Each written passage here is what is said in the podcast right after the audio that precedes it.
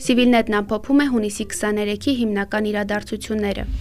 Հունիսի 23-ին կայացած մամուլի ասուլիսի ժամանակ պատիվ ունեմ դաշինքի ղեկավար Արթուր Վանեցյանը պատասխանելով Civilnet-ի հարցին հայտնեց, որ քննարկում է այլ քաղաքական ուժերի հետ ընտրությունների արդյունքները սահմանադրական դատարանում վիճարկելու հարցը։ Ընտրությունների արդյունքները կան, հրապարակված են, որ ասեմ սпасելի էին, ոչ, բայց ունենք այն, ինչ ունենք։ Ես չեմ ասել, որ ընդունում ենք ընտրությունների արդյունքները։ Ես ասել եմ, որ այս պահին հավաքագրում են բոլոր ընտրախախտումները, որոնք տեղի են ունեցել ընտրությունների ընթացքում եւ քննարկում են այլ քաղաքական ուժերի հետ համանadrական դատարան դիմելու հարցը։ Համանadrական դատարանի որոշումը ստանալուց հետո նորմենք որոշում կկայացնենք, ընդունում ենք ընտրությունների արդյունքները թե ոչ։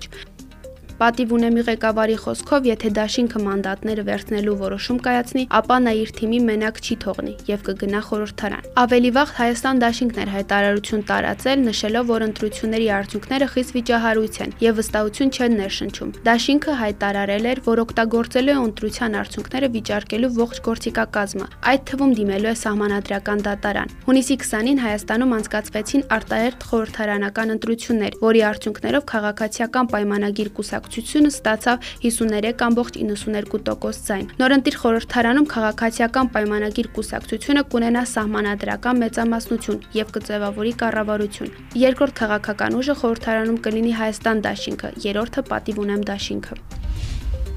Նիկոլ Փաշինյանը հունիսի 23-ին շարունակել է խորհրդակցությունները ազգային ժողով չանցած քաղաքական ուժերի հետ։ Այսօր նա հանդիպել է Տիգրան Արձաքանցյանի, Տիգրան Ուլիխայանի, Դավիթ Սանասարյանի, Միքայել Հայրապետյանի հետ։ Զրուցակիցները քննարկել են ներուժի եւ կարողությունների համախմբմանը, հետագա գործունեության հերանեկարներին վերաբերող հարցեր։